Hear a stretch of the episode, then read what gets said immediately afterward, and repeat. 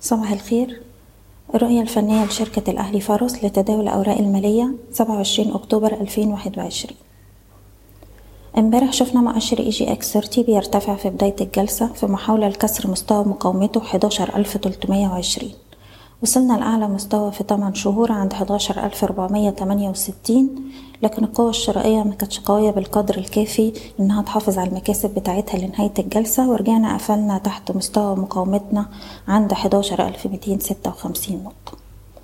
معظم الأسهم القيادية امبارح قفلت على تراجع وفي نفس الوقت مؤشر هرمس إندكس لسه بعيد عن مستوى مقاومته اللي بيوازي مستوى 11300 على مؤشر التلاتين.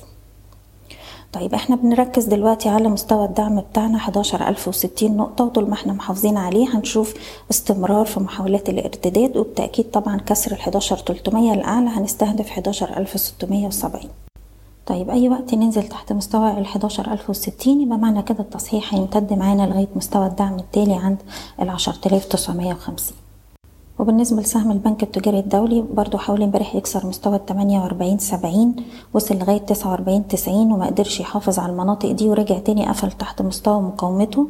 وبالتالي بنركز دلوقتي على الدعم عند تمانية وأربعين ونص وده اللي هو بتاع جلسة امبارح. لو اتكسر السهم هيروح يجرب تاني على مستوى السبعة وأربعين جنيه.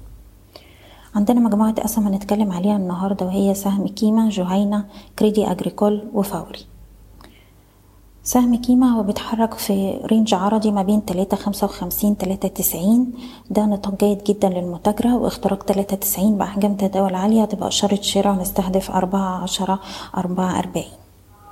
سهم جهينة من الأسهم اللي إحنا بنتكلم عليها كتير الفترة اللي فاتت. السهم عنده مقاومة هامة عند الستة جنيه وعشر قروش.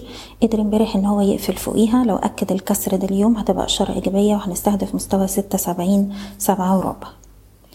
بالنسبة لسهم كريدي أجريكول السهم امبارح نفذ أحجام تداول عالية عنده مقاومة هامة عند السبعة وعشرين ستين اختراقها بيستهدف تمانية وعشرين خمسة وسبعين ودي مقاومة هامة جدا.